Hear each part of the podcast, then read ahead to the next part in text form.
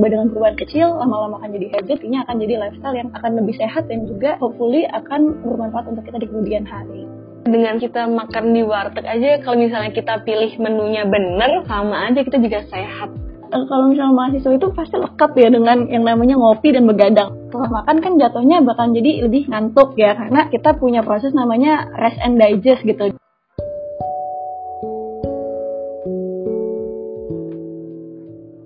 Selamat pagi, siang, sore, malam, atau kapan pun Papa Povi lagi dengerin podcast ini. Welcome back to Perfilma On View edisi Persus, tempat paling cocok untuk ngebahas hal serius, di episode kali ini akan dibawakan oleh gue, Gani, FAUI 2021 selaku host. Dan gue, Raisa, atau biasa disapa Ica, FAUI 2021 selaku co-host. Nah, Gan, lo tau gak sih kalau persus ini bakal bahas apa? Pastinya gue tahu dong, Ca, pembahasan kita pada kali ini. Tapi gue mau kasih tebak-tebakan nih buat Pova Povi. Kira-kira buat kalian nih, pernah gak sih kepikiran kalau misalnya semenjak kuliah offline ini, kita justru jarang banget makan makanan sehat, kayak makan sayur, makan buah tuh jarang banget. Apalagi buat olahraga, kayak gak ada waktu gitu. Lo relate gak sih, Cak? Wah, lumayan relate sih. Hampir setiap hari semenjak gue ngampus, mulai dari makan, olahraga, sama tidur, gue tuh jadi nggak teratur banget. Berhubung ada kuliah offline nih, otomatis jadwal kita padat banget gak sih? Dari tugas atau proker, sampai pola hidup kita tuh suka semaunya, sampai-sampai kesehatan sendiri tuh nggak diperhatiin. Apalagi, kan gue hidup sendirian ya, jauh dari orang tua. Jadi gue ngerasa sulit banget sih, Gan, buat mulai hidup sehat. Nah, bener banget nih, Ca. Makanya kita harus cari tahu nih gimana caranya buat memperbaiki pola hidup kita biar jadi sehat lagi. Di episode persus kali ini, kita bakal ngebahas mengenai topik yang penting banget buat mahasiswa. Apalagi kalau bukan healthy lifestyle. Sebelum kita ngobrol lebih lanjut nih mengenai healthy lifestyle, gue bakal bacain dulu kutipan artikel biar kita punya bekal pas bahas nanti. Dikutip dari Detik Health, healthy lifestyle itu adalah perilaku yang berkaitan dengan upaya atau kegiatan seseorang untuk mempertahankan dan meningkatkan kesehatan. Contohnya kayak makan teratur, berolahraga, dan lain-lain. Tapi problemnya nih, banyak banget kalangan yang bahkan untuk start aja tuh sulit. Makanya cara yang paling gampang ya dengan menumbuhkan niat dari kita sendiri. Terus dilansir dari Harvard Health Publishing, ternyata orang yang gak punya pola hidup sehat itu punya lebih besar loh kecenderungannya buat terkena penyakit. Serem banget kan, Cak? Wah, ngeri juga ya. Tapi nih, daripada kita ngomongin tentang hidup sehat berdua dan makin bingung karena nggak ketemu solusi agar kita dapat menjalankan healthy lifestyle, lebih baik kita diskusi langsung dengan narasumber yang kece parah nih, Gan. Oke, sekarang kita udah ada Karavela Shian Wijaya yang hadir untuk ngobrol bareng kita. Karafaela Wijaya merupakan pemimpin direksi media Eskulapius yang juga mahasiswi Fakultas Kedokteran Universitas Indonesia. Boleh kenalan dulu nih ke Pova Povi dan kalau boleh kepo sedikit, kita mau tahu nih media Eskulapius itu apa sih sebenarnya kak? Halo, ada Gani dan Ica di sini dan juga teman-teman yang dengerin. Perkenalkan dulu ya, aku Rafaela atau Ael dari Media Esculapius. Jadi Media Esculapius ini sebenarnya mungkin hampir sama ya kayak teman-teman dari pers perfilma di sini. Jadi kita itu adalah badan jurnalistik kedokteran gitu ya, bekerja di bidang hal-hal yang terkait kesehatan. Lo juga kita juga sebagai penerbit juga dan juga yang membahas mengenai berita-berita kedokteran atau kesehatan terkini. Salam kenal ya Kak Ael, makasih banget udah mau nyempetin waktunya buat ngobrol-ngobrol bareng kita nih di episode Persus kali ini. Nah, biar kita bisa lebih mendalam nih pembahasannya mengenai healthy lifestyle dan aku nggak ngomong berdua doang sama Ica, boleh kali ya Kak aku start pertanyaan-pertanyaan dari kita? Yang pertama nih, menurut Kak Ael sendiri, sebenarnya healthy lifestyle itu apa sih? Apa cuma terpatok dengan soal jasmani atau ada hal-hal lain gitu? Oke, menarik banget ya tentang healthy lifestyle ya. Jadi ini healthy lifestyle itu kita ngomongin soal dua hal nih, soal healthy, soal kesehatan dan juga soal lifestyle atau gaya hidup. Nah sebenarnya terkait dengan kesehatan sendiri, kalau misalkan yang setahu aku nih ya sebagai mahasiswa kedokteran, kita mengacunya pada WHO gitu ya. Kalau misalnya kata WHO sendiri, sehat itu bukan cuma keadaan gak sakit loh gitu. Jadi WHO sendiri mendefinisikan kesehatan itu sehat secara jasmani atau fisik, sehat juga secara mental dan juga sosialnya. Jadi memang tiga pilar itu harus ada dan juga dalam keadaan uh, well-being atau sejahtera gitu. Jadi itu sendiri sih yang dibilang dengan kesehatan dan juga kalau misalkan lifestyle-nya berarti ya gimana kita bisa mempertahankan uh, keadaan nggak sakit dan juga well-being secara fisik, mental dan sosial ini secara sehari-hari. Oke, berarti ternyata nggak cuma soal jasmani aja ya kak, ada beberapa aspek juga tadi. Selanjutnya tuh aku boleh nanya nggak sih kak, kalau misalnya untuk menjalankan hidup sehat itu harus ngapain aja? Nah ini kita bahas secara kita mahasiswa dulu kali ya. Jadi kalau misalkan hidup sehat itu uh, memang pasti banyak banget pilarnya apa yang harus dikerjain. Yang pertama adalah yang pasti kita harus jaga makan. Lalu juga harus perhatikan juga gimana pola tidurnya. Lalu juga harus perhatikan juga uh, gimana exercise-nya itu juga yang sekarang teman-teman nih mungkin ada yang cara fisiknya kaget gitu ya dari yang biasanya online duduk terus di rumah tiba-tiba harus secara offline gitu jalan kaki kampus naik bikun gitu atau mungkin yang maba gitu gitu ya masih belum familiar dengan lingkungan UI jadi harus muter-muter. Jadinya kadang-kadang kok ngerasanya UI jadi kerasa luas banget ya. Kayak karena sebelumnya nggak pernah dilatih badannya jadi badannya kaget gitu. Jadi ya sebenarnya ada poin itu sih yang memang harus dijaga. Jadi tadi selain jaga fisik juga, juga harus jaga mentalnya juga ya, karena pasti selama pandemi ini dan juga setelah kayak pandemi ada shift yang berubah itu, itu juga bisa bikin stres. Itu juga yang harus kita pelan-pelan harus benahi gitu supaya uh, badan kita dan juga mental kita juga tetap jadinya terjaga nih kesehatannya. Berarti harus dimulai pelan-pelan ya kak, harus dimulai dari kebiasaan juga. Kayak yang tadi tuh mungkin buat olahraga mungkin harus dimulai dari awal juga karena waktu pandemi kemarin kita benar-benar nggak ada gerakan gitu setelah dengar penjelasan dari Kak Ael, kan aku pemula juga ya, jadi itu aku ngerasa kayak susah banget buat mulai hidup sehat. Nah, menurut Kak Ael sendiri, gimana sih caranya ngebangun pola sehat itu? Oke, jadi mungkin disclaimer juga ya, karena aku kan sebagai sama-sama mahasiswa aja, jadi kita juga mungkin sama-sama belajar nih. Jadi teman-teman juga mungkin ada yang lebih banyak tahu dari aku, itu juga boleh banget karena sekarang beneran uh, soal ini, informasi soal kesehatan, juga soal uh, bagaimana kita bisa hidup sehat itu banyak banget. Dan sebenarnya dengan adanya banyak banget informasi yang tersedia ini, caranya adalah kita bisa ngambil informasi itu mana yang memang mau kita tuju, misalkan apakah kita pengen mempertahankan berat badan yang sehat, mulai menurunkan berat badan dengan cara apa apa atau kita mau mulai sedikit demi sedikit mulai olahraga nih supaya badan tuh kerasanya lebih fit gitu dan gak gampang capek. Nah intinya sebenarnya ambil satu poin uh, dari itu dulu healthy lifestyle yang mau kalian tuju dan juga sisipkan sebagai target gitu ya. Jadi kalian pengen kayak gimana nih ke depannya? Jadi pengen misalkan di minggu depan aku udah mulai bisa jalan kaki di kampus konsisten gitu 15 menit per hari. Pelan-pelan badan akan terlatih dan lama-lama jadinya kalau kita udah mulai ngerasain gimana enaknya hidup sehat jadinya nagih gitu badannya. Oh gitu ya kak. Jadi kayak kita tuh harus mulai dari hal terkecil dulu biar kita bisa ngejalanin hidup yang sehat Nah, gue sebenarnya pengen nanya lagi sih kak, tapi ini lebih ke arah curcol gitu. Kak, gue tuh sering banget berjanji sama diri sendiri buat olahraga dan makan sehat besok. Tapi tuh rasanya susah banget dan akhirnya tuh malah gak jadi-jadi. Jadi kayak cuma janji kosong doang gitu. Gimana ya kak cara ngatasinnya? Wah ini menarik banget nih. Ini kan yang banyak banget ya kita denger ya di sehari-hari dibilang kayak diet starts tomorrow gitu. Jadi diet bisa mulai besok gitu. Tapi kalau misalkan besok-besok terus kapan mulainya gitu kan? Ya sebenarnya ini menarik banget sih. Jadi yang harus kita lakuin sebenarnya tadi sih kita harus punya target dulu. Kayak misalkan ada beberapa yang pengen mengurangi karbo. Itu ya harus pelan-pelan dikurangi jangan langsung gratis juga. Nanti karena kalau misalkan badan kita itu kan perlu yang namanya rutinitas gitu loh. Yang namanya rutinitas nanti lama-lama akan jadi habit nanti jadi lifestyle. Nah itu sih yang jadi harus pelan-pelan kita uh, benahi gitu loh. Jadi misalkan rencananya ingin ngurangin karbo, ya kurangi lah misalkan tadinya takaran nasinya gitu, takaran nasinya misalkan uh, tiga centong gitu, kita kurangi jadi dua centong setengah. Itu pelan-pelan dulu aja, gak apa-apa. Yang penting konsisten. Nah tapi balik lagi juga ya, kalau misalkan diet itu sendiri jangan terlalu ekstrim gitu. Itu juga teman-teman harus perhatikan nih karena nggak semua tipe diet itu cocok ke semua orang gitu. Nggak ada satu tipe diet yang cocok ke semua orang.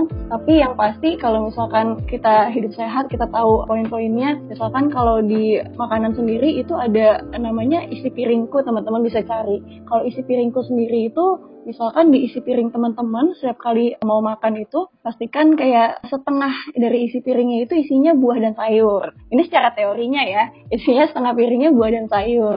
Lalu juga setengah sisanya diisi apa? Diisi sepertiganya itu lauk pauk dan dua pertiganya itu makanan pokok. Tuh. Itu jadi yang teman-teman bisa uh, pikirkan. Tapi untuk jelasnya lagi detailnya gimana ya tergantung kebutuhan teman-teman. Jangan sampai karena dietnya terlalu ketat malah jadi kebutuhan kalorinya nggak tercukupi, kebutuhan asupannya nggak tercukupi. Jadi teman-teman nggak bisa beraktivitas, nggak bisa kuliah dengan baik gitu. Itu juga harus dipikirkan. Jadi kalau sepemahaman aku, dia tuh harus menyesuaikan sama diri sendiri karena nggak ada satu diet yang cocok untuk semua orang. Jadi harus disesuaikan dengan badan masing-masing gitu ya kak. Nah kalau menurut lo sendiri gimana Gan? Kalau menurut gue sendiri sama sih. Jadi kayak harus menyesuaikan banget buat masing-masing orang karena nggak ada satu tipe yang fit buat semua orang. Terus tadi kak yang buat isi piringku tuh menarik banget sih. Terus kalau misalnya aku boleh follow up lagi terkait isi piringku itu kira-kira beda nggak sih kak sama sistem 4 sehat 5 sempurna yang kita tahu selama ini? Wah, oke ini juga menarik banget ya. Aku juga sebenarnya banyak tahu kayak gini ya setelah kuliah kesehatan gitu ya. Setelah kuliah kesehatan baru tahu ternyata empat sehat dan lima sempurna itu adalah model yang udah lama gitu loh dicanangkan gitu oleh pemerintah selalu ngomong ke anak-anak kecil makanya itu harus empat sehat lima sempurna gitu. Tapi ternyata nggak juga loh. Ternyata empat sehat lima sempurna itu kan kelimanya itu adalah susu gitu ya sebagai tambahan.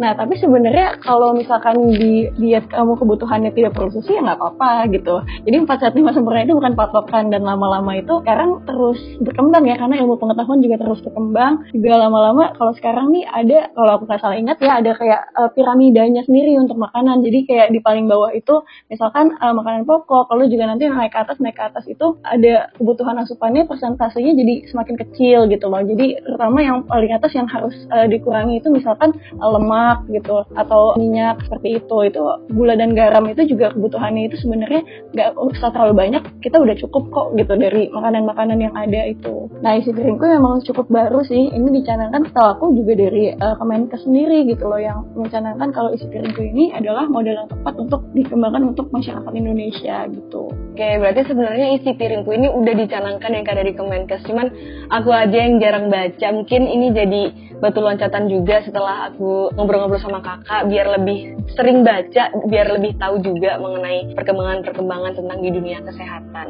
Terus nih kalau aku lihat-lihat sendiri dari KAL sendiri kan mahasiswa kesehatan yang kalau misalnya kita lihat kita lihat dari luar tuh kayak wah ini orang pasti sehat banget nih. Tapi aku mau cari tahu sedikit kira-kira dari KAL sendiri ada nggak sih kak kayak unhealthy habits yang sering kakak lakuin gitu? Wah ini bener banget ya. Jadi kayak kalau misalkan teman-teman lihat gitu masuk kesehatan, kesehatan sendiri kan kalau di UI ada eh, lima fakultas ya. Dan kayaknya eh, lima fakultas itu kayaknya paling ngerti kesehatan gitu. Ya mungkin kita ngerti, tapi kadang-kadang juga ngerti bisa jadi belum tentu dilakuin. Nah itu banyak banget tuh contoh-contoh kayak gitu ya. Nah sebenarnya kalau misalkan kita sendiri sebagai mahasiswa FK gitu mungkin hampir sama ya dengan teman-teman dari FH juga pasti ada kalanya lah kalau misalkan uh, tugas lagi banyak atau misalkan kalau lagi ujian harus belajar gila-gila pekerjaan itu kan pasti udah mulai tuh yang namanya pola makan gak teratur yang namanya juga uh, pola tidur juga jadi nggak teratur. Itu juga pasti akan uh, kerasa banget gitu dampaknya ke badan. Kan temen aku juga ada yang anak kesehatan. Dia tuh bilang kayak ada tuh temennya yang belajar sampai subuh terus tidur cuma sejam. Kira-kira kakak memandang hal itu kayak gimana? Hmm, iya bener banget ya itu yang sering banget nih. Kayak uh, kalau misalnya mahasiswa itu pasti lekat ya dengan yang namanya ngopi dan begadang. Bener gak sih?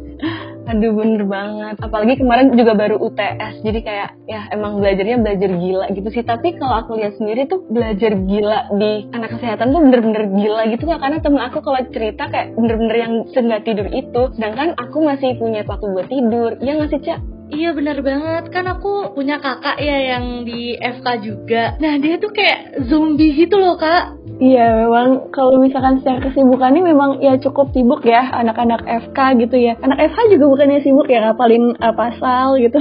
Jujur kalau misalnya di semester kita kayaknya belum sih kak. Mungkin uh, semester ke depan bakal yang kayak gitu. Nah ya kalau dari FK sendiri jujur kalau aku kan uh, sebenarnya baru akan menuju koas nih belum koas di rumah sakit. Jadi mungkin belum ngerasain sehektik itu ya. Tapi secara preklinik memang sudah ngerasain kalau misalkan uh, belajarnya secara teoritis di kampus ya memang pasti pasti ada masa-masanya gitu ya di mana belajarnya memang harus ya dan kutip mati-matian gitu. Tapi sebenarnya kalau kayak gitu kan juga kita sendiri yang ngatur ya kadang-kadang. Karena kalau uh, jadwalnya sendiri kalau yang setahu aku gitu kalau GFK itu cukup teratur gitu kita udah tahu ujiannya kapan. Jadi sebenarnya tergantung kita sendiri sih.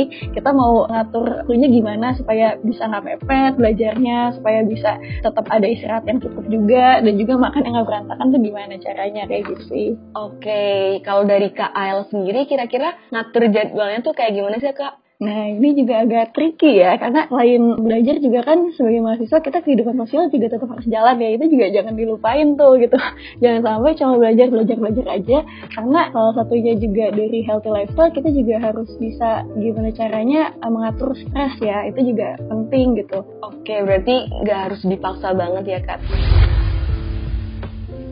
Terus selanjutnya nih kak, dari tadi kan kita udah bahas kayak meningkatkan healthy lifestyle dari segi jasmani nih. Kira-kira aku sekarang mau nanya, kalau misalnya dari aspek psikis atau mental tuh gimana sih kak caranya meningkatkan healthy lifestyle dari sisi itu? Kalau misalkan di praktik dokteran itu, yang setahu aku juga ada yang namanya sekarang mungkin lagi banyak teman-teman dengar juga ya tentang mindfulness gitu ya. Tentang mindfulness itu ya gimana kita bisa ya menghargai keadaan yang ada di sekitar kita, kita uh, be present gitu loh. Kita ada, jangan sampai kita terlarut dalam kesibukan kita gitu. Tapi juga kita tetap menghargai apa yang ada, yang terjadi di sekeliling kita, kita menghargai keberadaan kita gitu loh. Jadinya kita being mindful tentang apa yang kita pikirkan, tentang apa yang kita lakukan, dan tentang apa yang kita perbuat buat gitu. Jadi itu juga akan membantu sih gitu dalam kita bisa meregulit atau meregulasi stres kita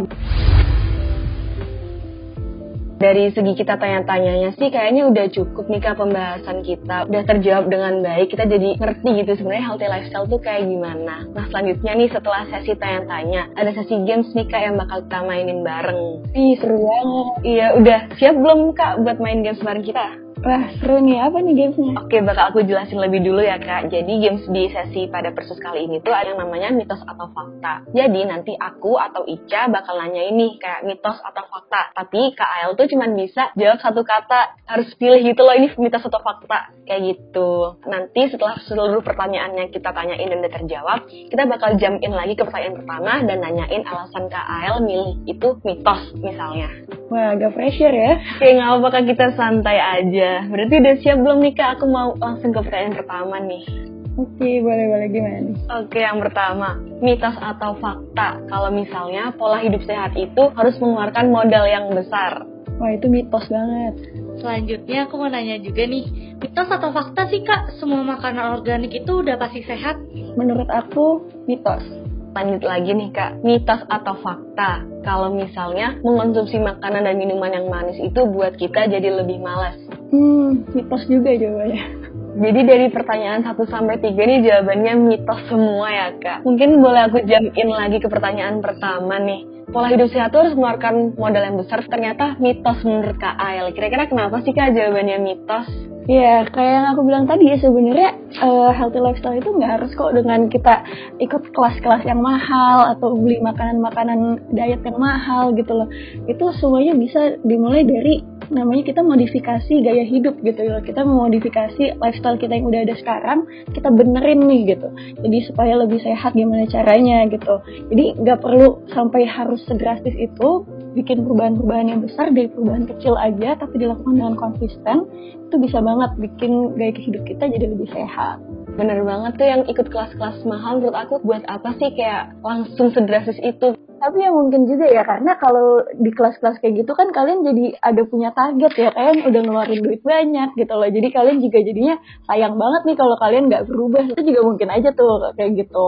Karena udah ngeluarin biaya mahal harus ketemu sama orang-orang yang dengan ambisi yang sama mungkin bisa terpacu untuk lebih sehat. Tapi nggak semuanya tuh harus berpatokan sama yang kayak gitu. Contohnya ini aku mau nanya kira-kira kalau nggak ikut kayak kelas-kelas yang mahal gimana sih kak tipsnya? Biar kita nggak harus mengeluarkan biaya yang besar tapi tetap bisa healthy lifestyle gitu. Oke, okay, kalau menurut aku ya, ini kalian kan kita di UI ya gitu, di UI Depok nih, di UI Depok tuh kita dikasih kampus yang lingkungannya sebenarnya cukup mendukung nih untuk kalian bisa jalan kaki, bisa naik bis, ada akomodasinya. Apalagi itu kalau misalkan kalian lihat gitu sampai orang-orang dari luar UI pun mau datang misalkan hari Minggu, hari Sabtu, weekend gitu untuk olahraga di UI. Nah itu bisa banget kayak misalkan kalian nyempetin gitu loh jalan kaki atau misalkan lari keliling UI itu udah lumayan banget dan biayanya kan 0 rupiah ya nggak harus bayar biaya apa pun gitu selagi kalian masih mahasiswa di UI itu kan jadi satu fasilitas lah yang bisa kita gunakan juga gitu Oke, kalau misalnya dari yang segi makanan nih kak, aku mau tahu nih kalau kita mau uh, nerapin pola hidup sehat tapi dengan biaya yang kecil, itu kayak gimana ya kak? Soalnya kan kalau makanan-makanan yang murah nih, yang aku lihat kayak ya udah gitu-gitu aja kayak gak ada sayurnya. Nah ini juga menarik ya sebenarnya kalau misalkan kita dalam uh, konteksnya mahasiswa juga, kalau misalkan teman-teman kan dekat juga ya dengan warteg ya, dan sebenarnya warteg itu juga bisa jadi pilihan yang cukup sehat loh dibandingin dengan uh, teman-teman misalkan ya dengan tanda kutip gitu ya makan steak tiap hari gitu yang mahal-mahal gitu maksudnya. Dengan makan warteg itu juga ada banyak pilihan yang sehat gitu loh. Jadi tergantung sebenarnya apa yang kita pilih dan seberapa banyak gitu loh. Jadi eh, intinya dalam ngelakuin apa pun in moderation sih. Jadi harus ada moderasinya. Jadi harus pertimbangkan takarannya juga gitu loh. Jangan sampai berlebihan. Kalau terlalu kurang juga nggak baik gitu jadinya nggak apa ya asupannya jadi nggak terpenuhi gitu Berarti dengan kita makan di warteg aja, kalau misalnya kita pilih menunya bener, ya kita juga tetap sama aja, kita juga sehat gitu ya kak. Oke, mungkin langsung jam in aja ke pertanyaan kedua tadi, Cak. Oke, aku pengen nanya kak, kenapa semua makanan organik sehat itu mitos? Kan biasanya aku langsung beli kalau ada tulisan organik gitu. Tuh, iya mungkin ya. Ini juga mungkin pengaruh dari branding ya. Jadi ya pengaruh branding ya sangat kuat sampai kayak gini gitu loh. Bisa uh, pengaruh ke persepsi masyarakat juga yang akan beli produk gitu. Mungkin kayak gini. Nah sebenarnya kenapa menurut aku ya, ini menurut aku. Kenapa yang organik itu tidak selalu sehat? Balik tadi, kalian makannya in moderation atau enggak? Kalian makannya sesuai kebutuhan atau enggak? Kalau misalkan nih ada banyak banget makanan-makanan organik atau dibilangnya sekarang superfoods ya. Misalkan kayak uh, chia seeds atau misalkan ada makanan-makanan dari dari biji-bijian itu kan sebenarnya ya memang sehat gitu loh dan seratnya tinggi, terus vitaminnya juga tinggi dan bermanfaat buat kita. Tapi banyak juga dia dimasukkan ke makanan-makanan olahan gitu yang udah dicampur lagi misalkan dengan proses sugar gitu loh. Jadi gula-gula yang sudah diproses lagi gitu. Jadi jatuhnya apakah sehat atau enggak? Nah, jadi kan bingung kan dari situ kan. Jadi makanan yang organik nih eh, belum tentu sehat tergantung makannya apa, tergantung takarannya seberapa dan tergantung uh, ini tuh untuk memenuhi kebutuhan kalian atau ya emang buat nyemil-nyemil aja gitu. Oke, jadi emang gak semuanya sehat, tapi harus disesuaikan juga dengan takaran makanannya gitu-gitu ya kak? Langsung ke pertanyaan yang terakhir nih kak. Tadi tuh pertanyaannya, mengonsumsi makanan dan minuman manis membuat kita lebih malas? Jawabannya mitos. Kenapa sih kak jawabannya mitos? Betul, ini sebenarnya kita ini aja ya, kita lihat dari kalimatnya bikin males. Nah, ini tuh sama aja kayak bilangnya kalau makan micin bikin bikin bodoh. nah, ya sebenarnya kan jadi bukan masalah di makanan ya. Memang kalau misalkan mengonsumsi makanan manis atau minuman manis terlalu banyak, jadinya nggak sehat juga gitu kan. Ada resiko-resiko, misalkan resiko nantinya di ke depannya jadi mengembangkan penyakit diabetes gitu. Tapi kan kalau misalkan menjadi malas, kalau bikin malas itu kan balik lagi ke orangnya ya kayak gitu sebenarnya. Jadi jangan terlalu banyak juga. Tapi kalau dibilang langsung bikin males itu nggak juga kok gitu. Sebenarnya aku juga waktu pertama kali baca pertanyaannya kayak ini pasti mitos nih karena kalau males ya males aja gitu jangan nyala nyalain makanan. Betul.